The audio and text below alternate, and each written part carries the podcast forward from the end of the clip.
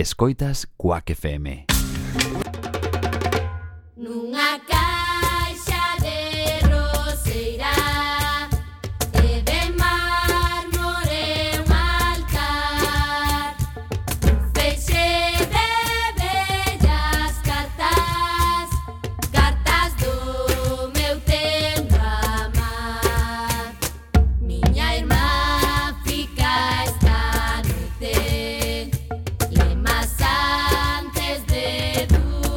Ola, que tal, recendeiros e recendeiras? Benvidos e benvidas a este espazo radiofónico semanal adicado á cultura que facemos en rigoroso directo todos os martes ás 7 da tarde aquí no 103.4 desta emisora, Coac FM da Coruña.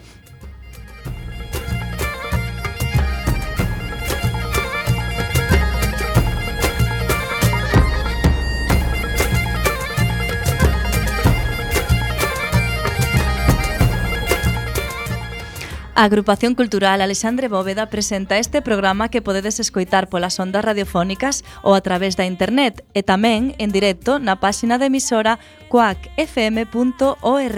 Se non chegaches a tempo, non tes excusa, compañeiro podes descargar todos os programas xa emitidos tecleando www.blogoteca.com barra recendoblog ou escoitalo na redifusión que será os mércores ás 8 da mañá, os venres ás 13 horas e na madrugada do domingo luns a 1 da mañá.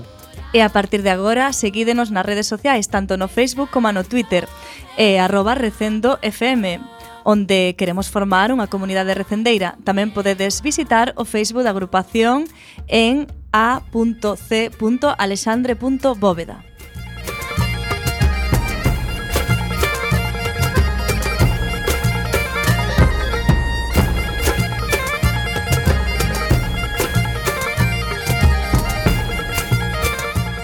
E xa sen máis, imos caralón a procura desta fantástica aventura cultural con Roberto Catoira no control técnico e falándolles coa alma enteira Marta López e Javi Pereira.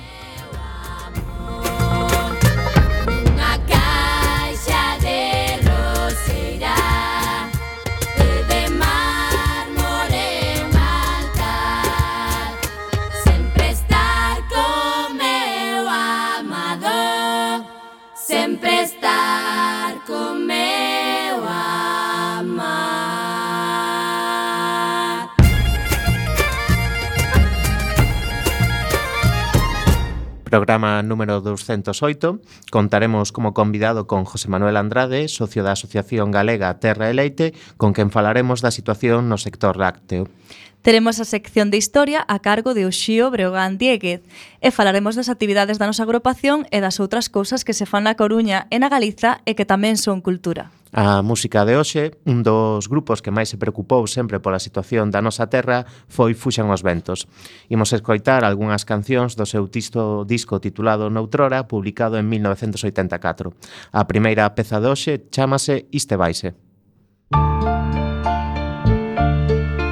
Iste vai ser e aquel vai ser e todos, todos se van. Galicia si no me quedas que te poidan traballar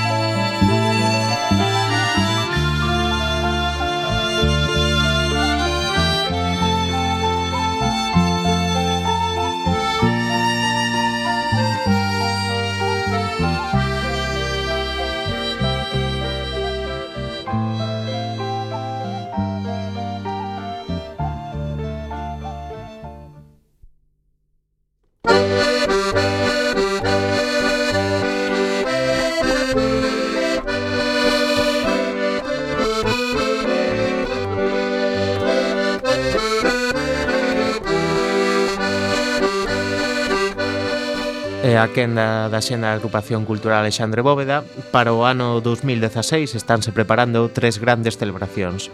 O centenario das Irmandades da Fala, o Día das Letras Galegas para Manuel María, socio de honra da nosa agrupación, e o 40 aniversario da nosa entidade. Durante este 40 aniversario, cada mes haberá algún acto importante que iremos anunciando no seu momento. O xoves 21, acto de inauguración do noso 40 aniversario. Será ás 20 horas no Salón de Actos da Agrupación. Faremos convite aos socios e socias e colaboradores e colaboradoras de forma nominativa a todos e todos os que leven máis de 25 anos de alta como socios e aínda máis expresamente a quen leve entre 35 e 40 anos. Para se entrega a estes dun agasallo pola súa fidelidade á asociación.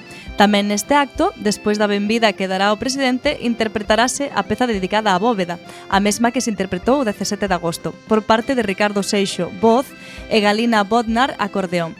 E para rematar o acto, convidaremos con algún petisco as persoas asistentes. O Benres 26 de febreiro, maratón de lectura da obra de Rosalía de Castro a cargo dos alumnos de secundaria e bacharelato do Colexio Calasanz. Será de 5 a 20 horas, no Salón de Actos da Agrupación.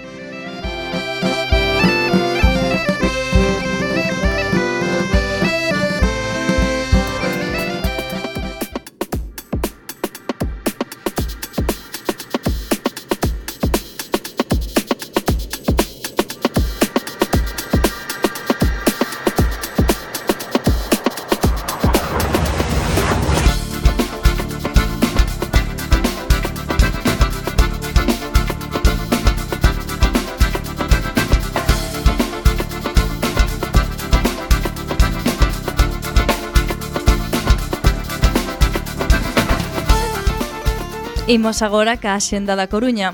Oxe ás 20 horas no agora proxección do documental da directora Elna Cervopoulou Grecia, reinventarse ou morir, un retrato da crise grega a través de tres persoaxes que deciden coller as rendas do seu destino para cambiálo o 15 e o 16 no Teatro Rosalía ás 20:30 Teatro do Noroeste estrea Palabras Malditas dirixidas po, dirixida por Eduardo Alonso e protagonizada por Miguel Insua, Sara Casanovas e Luma Gómez Na España da posguerra, dous seres marxinados, un profesor expulsado e unha prostituta esforzanse por encontrar a felicidade O sábado 16 na nave 1839 celébrase o Monofest, festival de bandas dunha soa persoa a electrónica finísima de Pálida, Pantis, Ocre, Montaña Muerte eh, e Glitz Girl e a experimentalidade de Das Chicho e Anti S.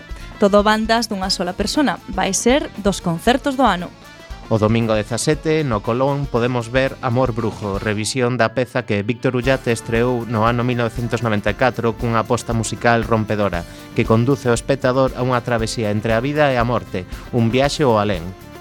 No Bababar, ata o 15 de xaneiro, está exposta a obra do artista Jano Lloro, En Tránsito, pinturas a lume sobre cerámica e porcelana, unha obra de clara influencia oriental que evoca a esencia da paisaxe. O 16 e o 17 no Ágora, espectáculo solidario organizado pola ONG Colores de Camerún. Con grupos de baile, teatro e maxia, os fondos recadados irán destinados á propia ONG.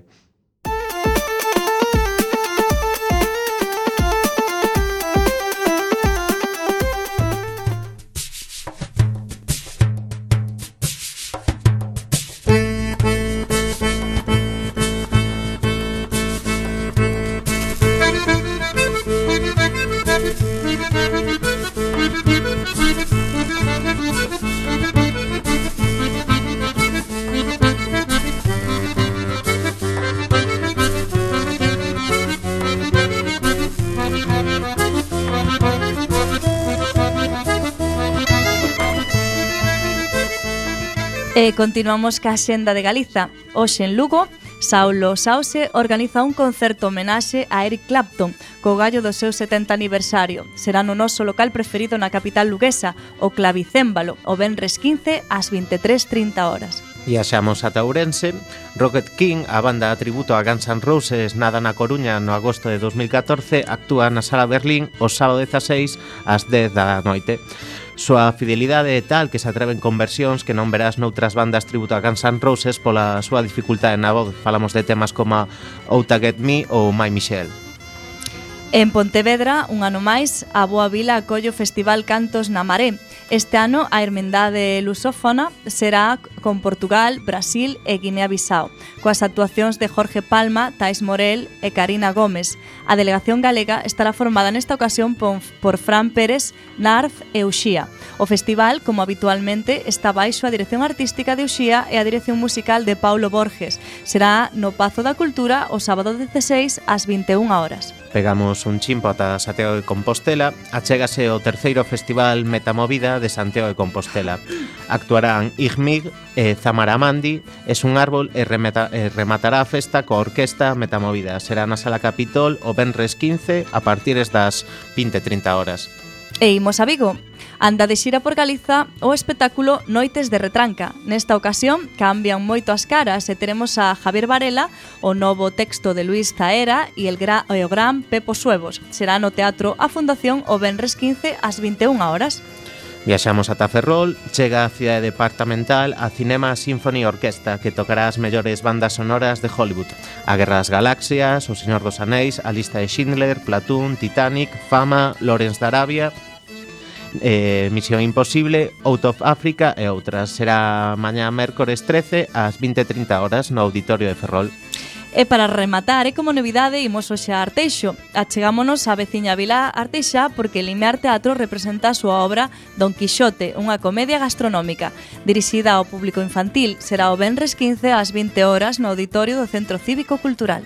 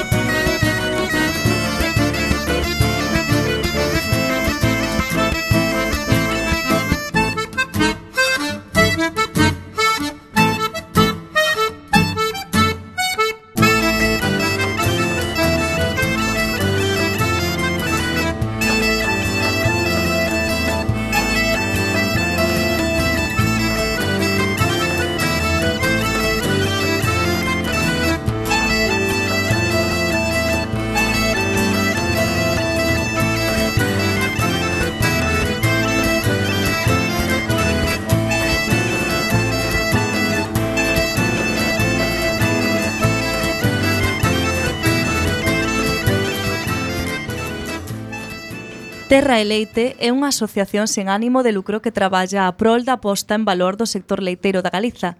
A súa estrategia válese dos medios de comunicación e das diferentes plataformas digitais para trocar a percepción que a sociedade ten dos gandeiros.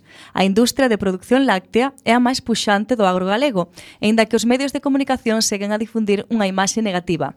Os políticos continúan ignorando o sector e os distribuidores comerciais infravaloran o produto. Terra e Leite traballa para que a sociedade recoñeza no sector leiteiro unha ferramenta valiosísima para o mantemento e vitalización dun país eminentemente verde.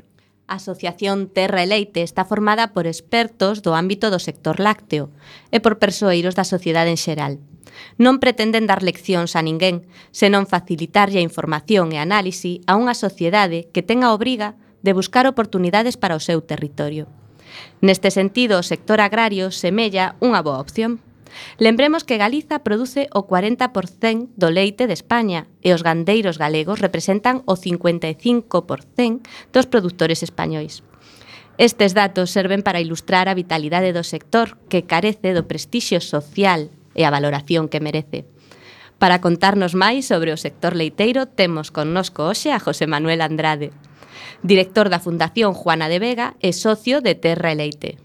Boas tardes, José Manuel. Boas tardes, eh, gracias por contar comigo neste espacio radiofónico. Grazas a ti.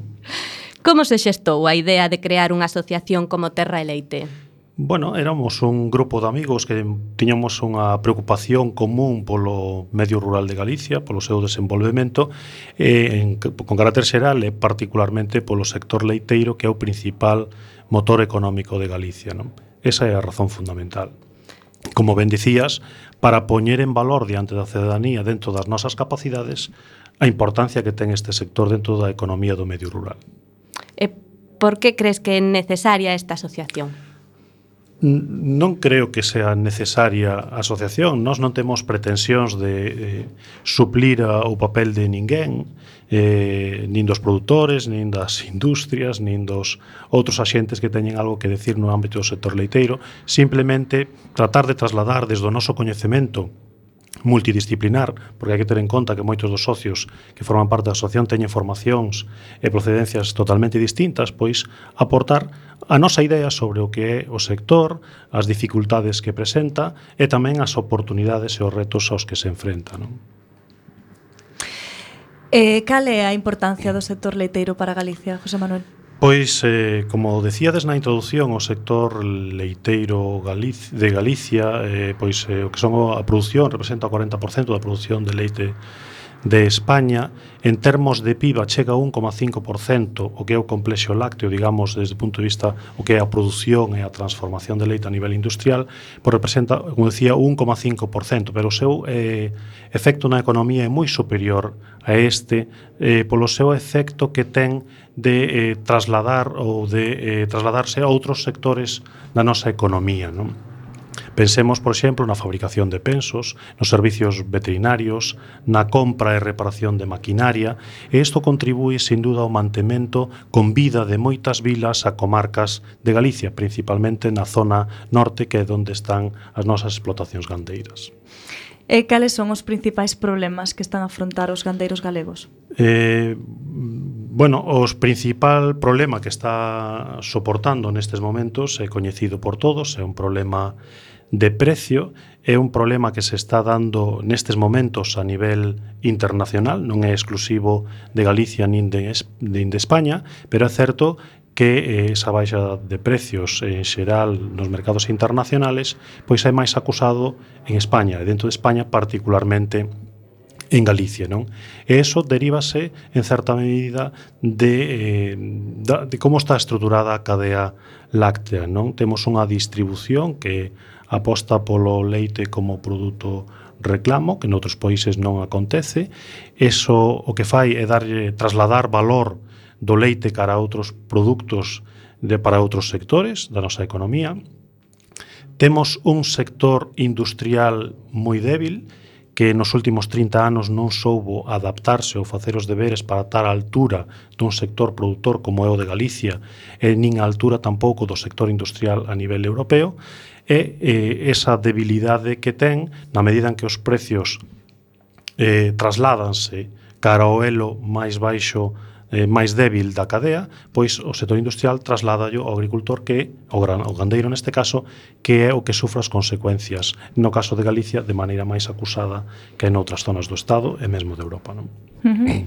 E un de abril de 2015 desapareceron as cotas lácteas, non? Como está respostando o sector ante a nova situación?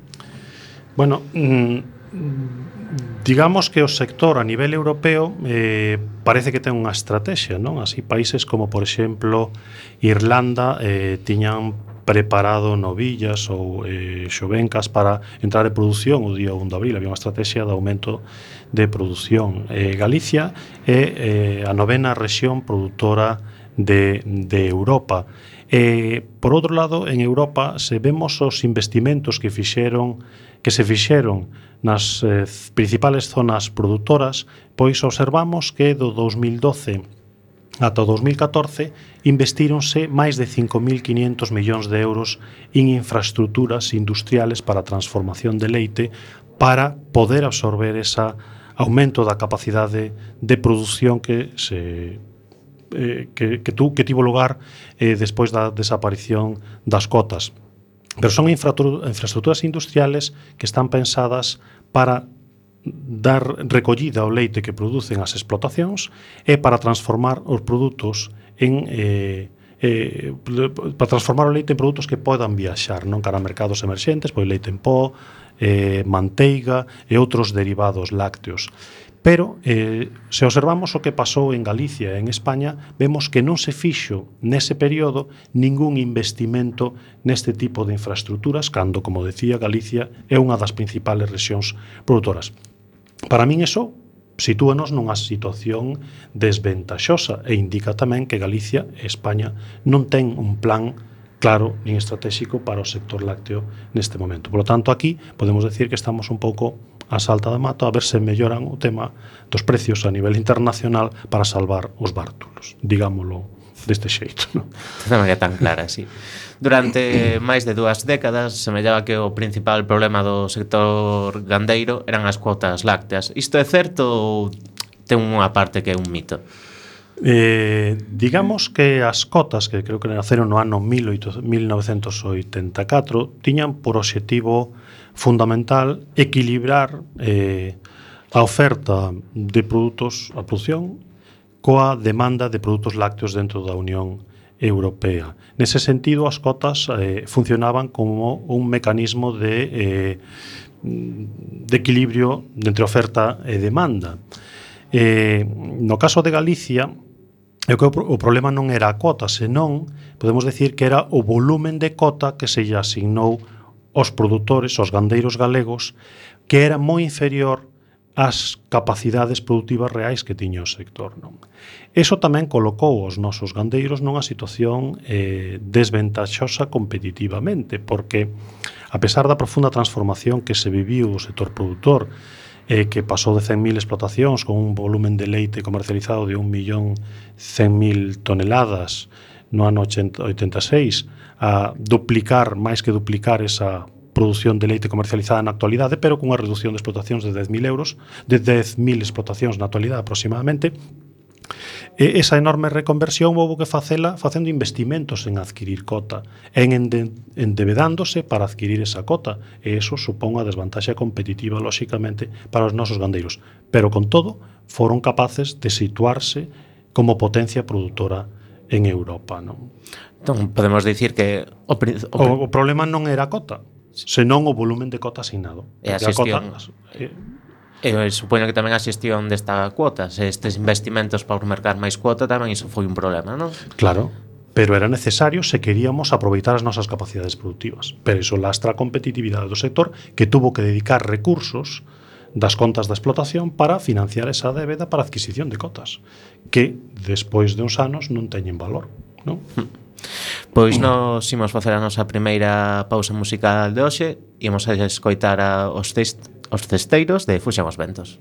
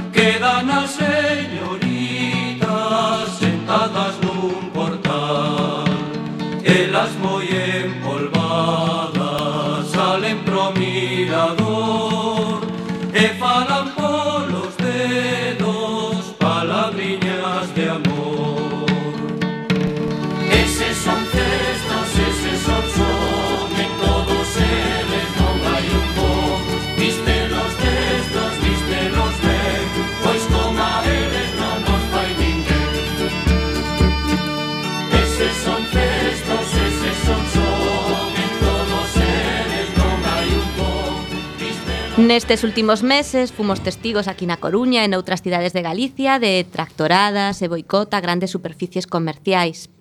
Saíron en todos os xornais. A principal reivindicación dos gandeiros era un prezo xusto para o leite. Quenes son os últimos responsables destes prezos tan baixos? Eh, bueno, digamos que os responsables dos precios actuales non ten un culpable directo, sería o mercado, non? Como consecuencia da liberalización das cotas, houve un aumento da produción en Europa, non só en Europa, senón tamén noutros países produtores como Estados Unidos, e, e ese incremento de produción non foi acompañado dun incremento da demanda no mismo nivel, polo tanto, calquer exceso de oferta o que produce é unha caída de precios. Se ben, como decía eh, noutra das intervencións, noutra das preguntas que me formulachedes, no caso específico de, de España e de Galicia presenta unhas particularidades polas prácticas de distribución, pola debilidade industrial, etc. No? que temos visto. E aí teñen moito que decir tamén as administracións, que non son un actor directo, pero en certa medida as administracións correspondelle fixar as reglas de xogo nas que operan os mercados e velar polo que se, porque se cumplan esas reglas de xogo, non? E aquí, por exemplo, que o co paquete lácteo que se regulou é a posición máis débiles de dous actores da cadea, non? Obligándolle ás industrias que xa de por sí teñen unha situación de debilidade que xa destaquei, a, flixa, a firmar contratos cos produtores garantindo recollida en cantidad e precios determinados a plazos dun ano, non? Pero esas industrias o que non teñen a garantía de que a distribución lle recolla nin esa cantidad nin aos precios que lle permitan pagar os precios pactados co, eh, cos produtores. Por lo tanto, eso é regular contra a lógica dos mercados a situar as partes máis débiles da cadea nunha situación moi complicada. Ante isto, o que acontece é que as industrias lácteas están renunciando renunciaron xa a asinar contratos cos gandeiros e aparece outra figura é a figura dos intermediarios que son compradores sin industria, con nula capacidade de almacenamento, que están comprando aos gandeiros un produto que é perecedero, non? E pois se as industrias o que se están dotando de flexibilidade en un determinados momentos de mercado non necesitan ese leite, eses intermediarios non teñen capacidade, como decía, de almacenalo e polo tanto teñen que colocalo a quen lle compre o precio que sea. E son os que están contribuindo en gran medida a esa baixa de precios. Ahora mismo estes intermediarios estimamos que recollen máis do 30% do leite que se produce en Galicia. Eso é un risco importantísimo. Non? E depois dasa circunstancia de que en Galicia temos gandeiros que reciben uns precios en termos de leite equivalentes similares aos dos países europeos e temos outros gandeiros, moitos que reciben o precio máis baixo de Europa. Iso fai que a media do precio recibido por todos os gandeiros no conxunto de Galicia sea inferior a de Europa, a de España, eh? e por ese motivo fundamentalmente. Non? A eliminación destos intermediarios que nomeabas, crees que sería unha solución ao problema? Eh, non podría decir se é unha solución nestes momentos, porque o que se pode decir é que de momento están garantindo a recollida de leite. Non? Eh, o certo é que a aparición destes intermediarios en estas circunstancias de mercado que está facendo baixar o leite. Desde logo, desde o punto de vista de aportación de valor ao sector, non ten ningunha. Non? porque non teñen capacidade de transformación de dotar de valor engadido as producións que deles derivan. O único que aparecen é para dotar de flexibilidade o sector industrial. Un parche. Un parche. E cal sería, segundo a asociación, a solución ao problema? A solución ao problema lácteo é unha solución complexa, senón estaría resolto fai tempo, non? Eh, desde logo, eu creo que o que requiere é unha visión eh, estratégica, un plan estratégico, unha visión estratégica de, do conxunto dos actores que están intervindo na cadea láctea. É necesario que na interprofesional láctea este a administración, non ten sentido que este os a parte máis débil da cadea, por tanto non teñen ninguna capacidade de intervención É necesario que as administracións eh, velen polo cumprimento das reglas do xogo que están establecidas. Temos unha lei de defensa da competencia, temos unha lei da cadea alimentaria e simplemente hai que garantir o cumprimento desas normas a velar polo que os precios, pois, por exemplo, non se produzan ventas a pérdidas, pero asistimos a veces a declaracións por parte, por exemplo, de representantes da Comisión Nacional dos mercados a da competencia dicindo públicamente que eh, non se ve mal que eh, os produtos agroalimentarios se vendan con pérdidas porque axudan a mellorar a competitividade do sector. Non? Pero, sin embargo, eh, isto non acontece, por exemplo, cando toca eh, actuar contra prácticas que sufrimos todos os consumidores que fan oligopolios tipo telefonías eléctricas e hidrocarburos. Non? Por lo tanto, eu teño mm, as miñas dudas de que haxa un interés político na defensa do sector primario. Non? Por lo tanto, as administracións o que teñen é que fundamentalmente velar polo cumplimento das normas e aplicar o réxime sancionador. E non vale escudarse en decir que en Europa eh, non nos permite porque países como Francia, como Alemania ou como Italia, cando teñen que actuar en defensa do seu sector primario, fano, e fano en base á normativa europea como a que aplicamos aquí. Non? Por tanto, hai que ter vontade política de defender un sector que é estratégico, neste caso, eh, para, para Galicia. Non? Despois, as administracións tamén lle corresponde, por exemplo, o tema da política industrial para o fortalecemento dun sector industrial. E iso non se fai solo pois eh, publicando normas no boletín oficial. A política industrial eu teño escrito, por exemplo, eh, en un artigo non, noutro medio escrito de que conforme se procuran investimentos para o sector naval ou para o sector do automóvil, sendo o leiteiro un sector estratégico en Galicia para o medio rural, para manter o equilibrio territorial da nosa comunidade, pois tamén compre buscar posibles inversores nacionales e internacionales que podan investir neste activo estratégico que temos que temos aquí, non? Os produtores tamén teñen que seguir facendo esforzos. Non? Os produtores teñen que continuar reducindo os custos eh, de, das súas explotacións e teñen que facer un esforzo por aumentar a base territorial das súas explotacións non para eliminar a dependencia que teñen da compra de materias primas a nivel internacional de alimento pagando que está suxeito pois tamén a moita volatilidade non?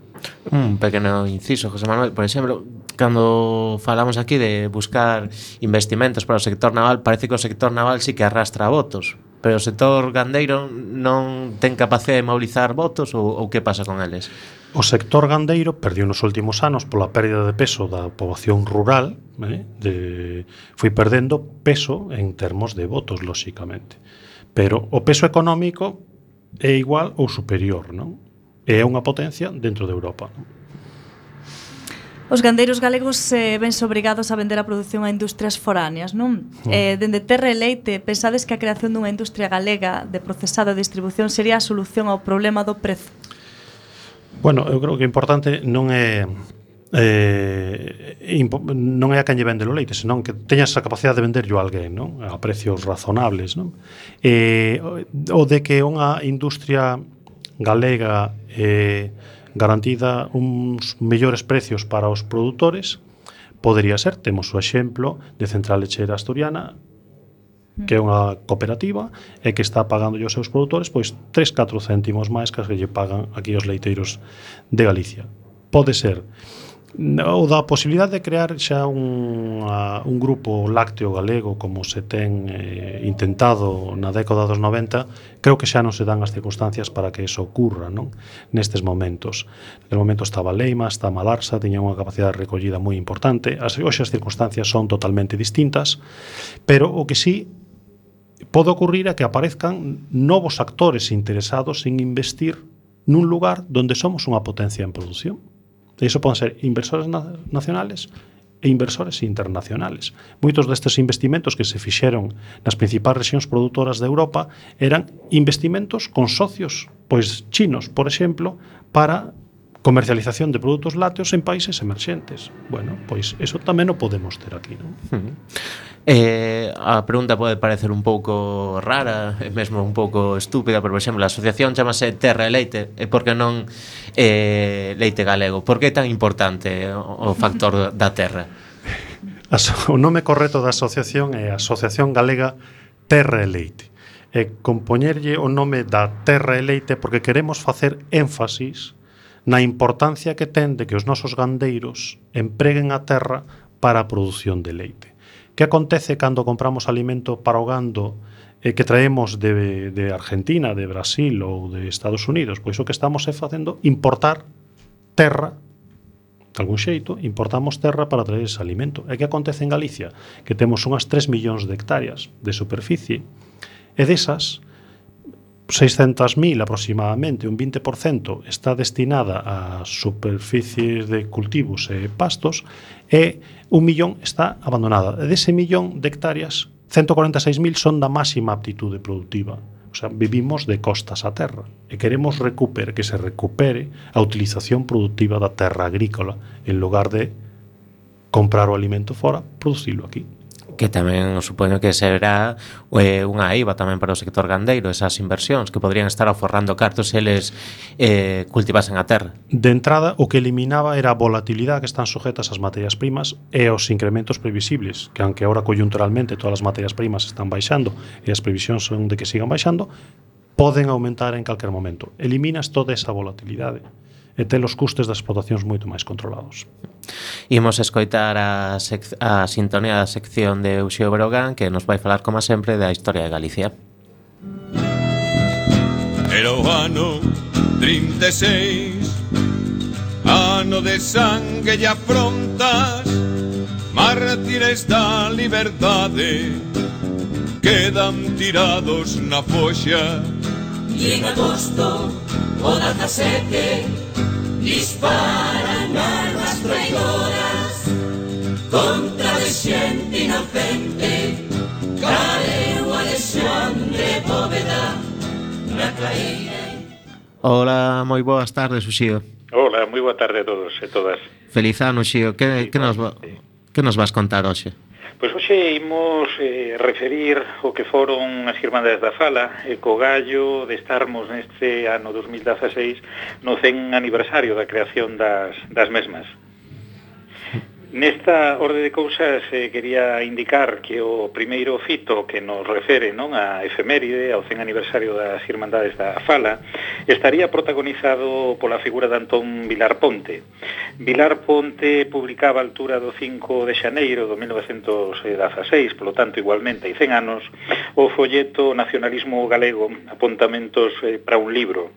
Naquel folleto o intelectual e xornalista sentado na cidade da Coruña, recén chegado da emigración cubana, achegaba unha acendida defensa e reivindicación da lingua propia da Galiza.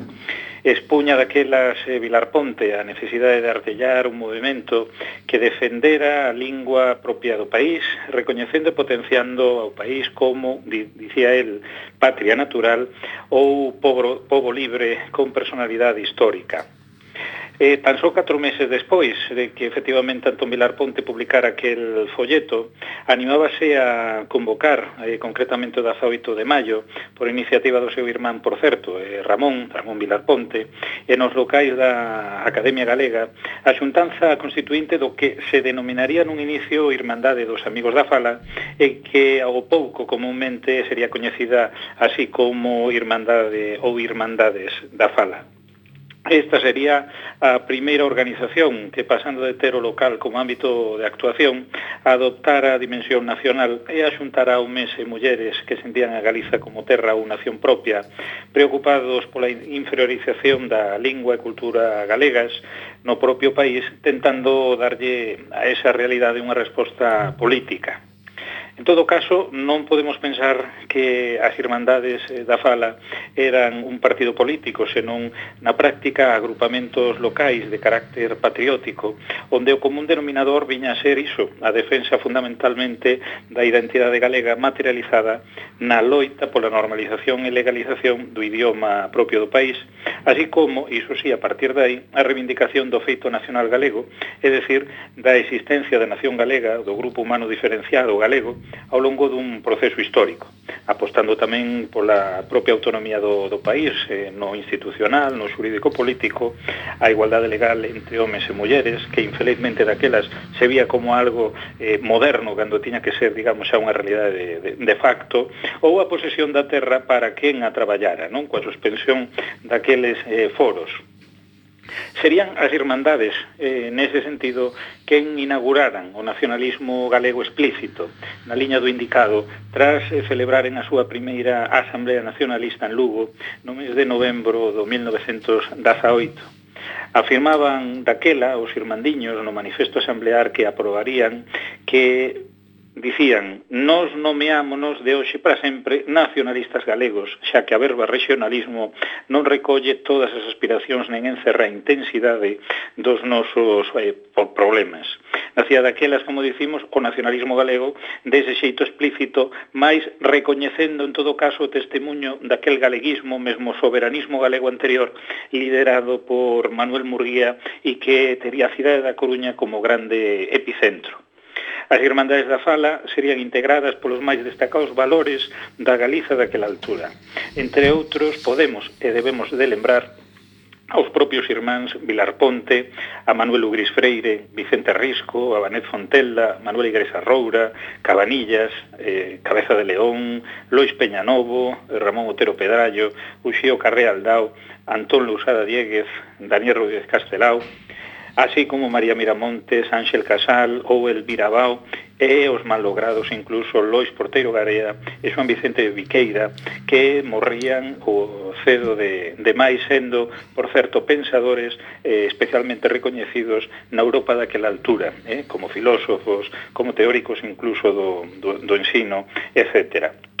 As Irmandades da Fala conseguirían o primeiro, por certo, Concello, eh, Concelleiro Nacionalista na Coruña, concretamente do 1920, eh, da man, concretamente do xurista Lois Peñanovo, e sufrirían os rigores da dictadura de Miguel Primo de Rivera do 1923 ao 29, véndose prácticamente ilegalizados, marxinados, etc., recuperándose eh, felizmente a partir do 29, eh, darían lugar ao pouco a Orga, non? Aquela organización que coñecíamos como Organización Republicana Gallega Autónoma que tería a Casares Quiroga como grande líder e cando a Orga se alonxaría ao pouco de nacer dos postulados soberanistas, eh, por non decir que nunca realmente fixo propias as teses soberanistas eh, das Irmandades da Fala, aquelas irmandades darían lugar ao Partido Galeguista na que xa sería a séptima Asamblea Nacionalista en decembro de 1931 e naquela data o Partido Galeguista inauguraría unha nova etapa. Entre tanto, as Irmandades da Fala terían dado lugar ao relanzamento dun voceiro eh, senlleiro como era a nosa terra, que estivo fondamente ligado a partir do seu nacimento no 1907 ao que fora efectivamente o agrarismo ou o sindicalismo agrario daquela altura Hola. e que relanzado a partir do 1916 até hai ben poucos anos foi xustamente o voceiro, o xornal, o periódico eh, digamos, a cabeceira central do nacionalismo galego. Co cal xustamente agora neste 2016 diversas iniciativas se irán desenvolvendo para conmemorar non o que foi aquel eh, tempo desde o 1916 en diante liderado polas Irmandades da Fala onde, bueno, pues, encontros, eh, debates, tertulias, etc etcétera, polo país adiante se desenvolverían tendo como cuestión central todo o que tivera a ver co país. A comezar polo idioma, máis iso eh, era, digamos, o común denominador. A partir de aí, a preocupación, digamos, alrededor de todo o que tivera a ver co, co país, efectivamente sería central da, daquela xir. E este ano, 100 anos despois da creación das Irmandades, todas e cada unha desas cuestións nas que as Irmandades da Fala foron efectivamente desenvolvendo un traballo exemplar, extraordinario, sempre sempre integrador, eh, en absoluto eh, sectario e cunha visión de país eh, moi moderna, pois van ser eh, todas e cada unha, digo, destas cuestións lembradas eh, a partir de diversas iniciativas. Entre outras, cabe dicer, eh, como director que son de Murguía, Revista Galega de Historia, que nos, nos próximos días e o comento a modo de, de primicia, non tanto de publicidade, digamos, gratuita. Moitas pois gracias polo primicio, sí. Pois Murguía, a Revista Galega de Historia, nos días tirará do prelo o que vai ser a primeira publicación que neste ano eh, se edite eh, monográfica mm, referida en exclusiva ás eh, propias Irmandades da Fala e Cagardo, bueno, pois pues, xa do gusto das vosas e dos vosos subintes. Pois moitas gracias, Uxío, por lembrarnos hoxe o aniversario das Irmandades da Fala estaremos atentos a esa nova edición edición da, da revista Murguía. eh, Vémonos a, dentro de tres ou dous meses de Xa acordo? en breve Moi ben, moitísimas grazas e un aperto moi grande a todas e a todos eh? Igualmente Pois seguimos con José Manuel Andrade da Asociación Terra e Leite. Estábamos a falar, José Manuel, do, do tema da terra de por que importar pienso se temos aquí moita terra. Por que lle resulta tan complicado aos gandeiros conseguir as terras que precisan? Mm, bueno, eu diría que en primeiro lugar os gandeiros eh, non están acostumbrados, eh, non está instaurado dentro da lógica da xestión das explotacións ata a data unha cultura de procura de terras para a produción, porque a lógica, a lógica de custos daquele momento das materias primas pois facía que poderas producir a costes baixos. Non? Pero eso mudou e a tendencia é que vai a mudar. Por lo tanto, é imprescindible aumentar a base territorial das explotacións para, como decía, facelas menos dependentes e mellorar así a competitividade da mesma. Con respecto á terra, eh, hai dificultades eh, porque que se teñen estudiado, mesmo hai unha tesis doutoral do ano 96 eh, de Delmiro López Iglesias, que ademais é socio de, desta asociación Terra e Leite, que ten eh, eh, estudado cales son as dificultades que hai para o movimento de terras. Non Algúnas das que destacaban son os elevados precios para a transferencia de terras, son tamén a inseguridade xerídica nas, no arrendamento, eh, Nós temos tamén eh, feito desde a Fundación Juana de Vega un estudio para a mobilidade de terras en Galicia. Aí aparecen outras outras eivas para que dificultan a mobilidade de terras, como é as distancias ás explotacións, a superficie eh, que sería axeitada para esas explotacións, o descoñecemento moitas veces dos titulares. Bueno, existe unha serie de razóns que fan que a Terra se mova dificilmente, non? Pero, con todo, observando os datos do Censo Agrario de 1999, vendo os números de explotacións gandeiras con base a terra, eh, eh, xestionaba unha superficie agraria utilizada que 10 anos despois multiplicaron case por dous e a principal figura a través de que aumentaron esa, esa, Esa superficie agraria útil xestionada foi principalmente a través do arrendamento. Se no ano 99 xestionaban en a terra que xestionaban 80% era terra da súa titularidade, hoxe aumentando a superficie agraria útil xestionada moito, o 40% é terra arrendada. Por lo tanto, a figura do arrendamento nas zonas de carga candeira si se está dando e non fai falta máis que ir por as zonas onde hai cargas gandeiras elevadas para ver que o terreno, a terra, está utilizada. Outra cousa é que hai bolsas produtivas de terra moi con aptitude agrícola moi boa que están lonxe das explotacións, pero estáse dando a circunstancia de que aquí hai cooperativas gandeiras que están indo por terra a Zamora, logo se as hai en Galicia, podemos aproveitar aquí, sendo terra ademais da máxima atitude productiva. Pero bueno, hai máis factores, non? Eh, existe un tema que é o banco de terras. Mm. Podes explicarnos que opinades deste tema e, e como funciona? Bueno, o Banco de Terras eh, foi creado no ano 2007 como sociedade anónima eh, pública para a xestión eh, para intermediación, digamos, uh -huh. na xestión de terras de actitude productiva agrícolas en zonas de especial interés agrario. Desde ese momento sufriu algunhas modificacións, o banco pasou a integrarse eh, dentro da Xencia Galega de Desenvolvemento Rural. Eh, a filosofía do banco é moi sinxela eh, e a normativa que o regula pois eh, é suficiente para que o banco faga unha xestión áxil das terras agrícolas. O que acontece é que o banco anque existe nominativamente ou nominalmente, a realidade é que na práctica é moi pouco útil. É moi pouco útil porque non ten medios humanos para xestionar o tema das cesións de terras entre particulares. Non? Por tanto, eu considero que o banco de terras é necesario, é imprescindible para dinamizar o mercado de terras agrícolas, pero nestes momentos non está funcionando por falta de recursos. Vamos a facer outra pausa musical para poñer de fuxan os ventos a costureira.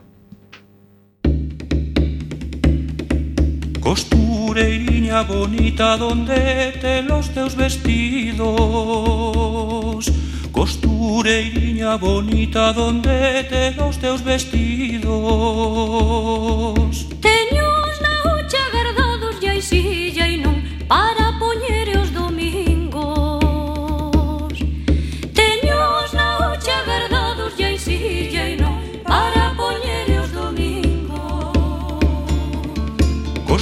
moreirinha bonita, dime donde te la cama. Costureiriña bonita, dime donde te la cama.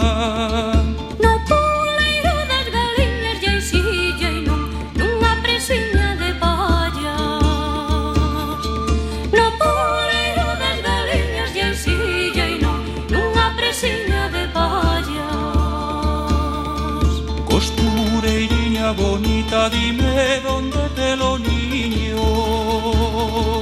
Costureiriña bonita, dime dónde te lo niño.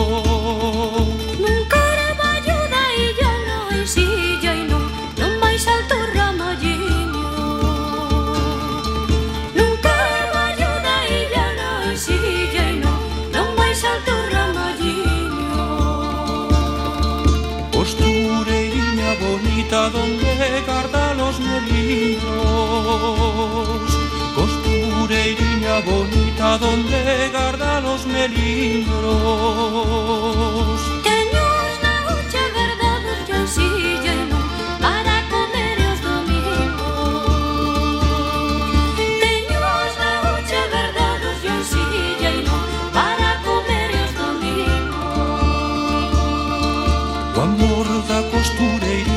era papel e mollouse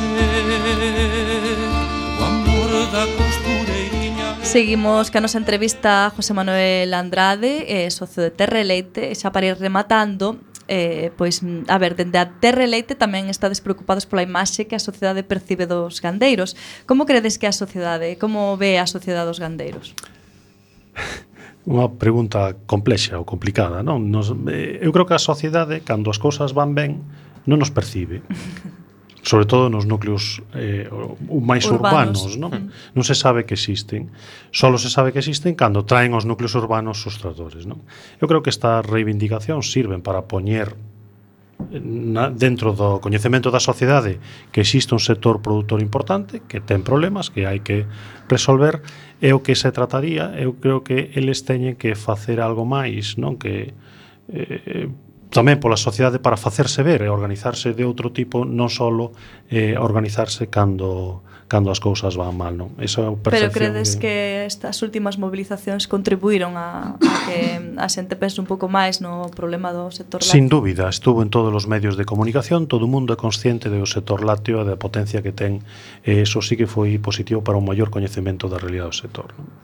E xa como unha especie de conclusión ou colofón a esta interesantísima conversa, José Manuel, Cal crees que sería, eso si dunha maneira moi breve, a principal reforma máis urxente a cometer? Complicado sintetizala. En certa medida xa foron apuntadas ao longo desta entrevista, non? Eh, articular adecuadamente a cadea de valor para que haxa un equilibrio en todos os axentes que operan aí e que as administracións velen polo cumplimento das normas que nos temos dado e que son suficientes para que eso funcione e procurar investimentos que lle den salida ao leite que producimos en Galicia. Eh, xa, eso, a última pregunta. Terra Leite é unha asociación e como a toda asociación precisa de socios, eh, a xente que nos está escoitando e que se quere asociar, que ten que facer? Bueno, temos unha páxina web que é www.terraeleite.org Aí temos unha serie de documentación Está indicado tamén quen somos os socios E mandando un correo aí Pois pode solicitar a súa eh, inscripción como socio E pasaríamos os estatutos E necesitaría para formar parte da Asociación Galega Terra Leite Pois o aval de dous socios da asociación. Pois moitas gracias, José Manuel, e estaremos eh, escoitando, digamos, eh, observando que pasa ao final co sector leiteiros. Esperemos que vaya para adiante, que poidamos todos presumir en Galiza dun sector leiteiro. Potente. Potente. Eh, sí. Moitas gracias por convidarme. A vos. E sen tempo para máis odiseas imos chegando ao fin do camiño deste recendo. Despedimos o programa de hoxe agradecendo aos nosos convidados que como sempre son de honra. Hoxe tivemos a José Manuel Andrade, director da Fundación Juana de Vega e socio de Terre Leite e ao Xío Breogán Dieguez, colaborador da nosa sección de Historia. E agradecendo a semente pedra angular de todo, o noso comando e equipo de produción formado por Uxía Vázquez, Roberto Catoira e Javier Pereira. E aquí estivemos no control técnico Roberto Catoira e falándolles coa Almenteira, Marta López, Uxea Vázquez e Javier Pereira.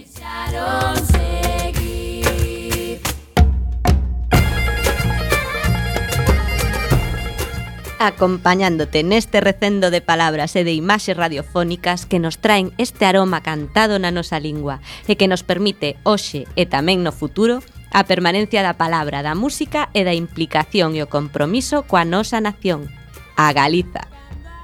Ate o vindeiro martes a 7 da tarde, en directo nesta emisora Cuac FM da Coruña. Xa se vedes, recendo as mil primaveras que terá o noso idioma.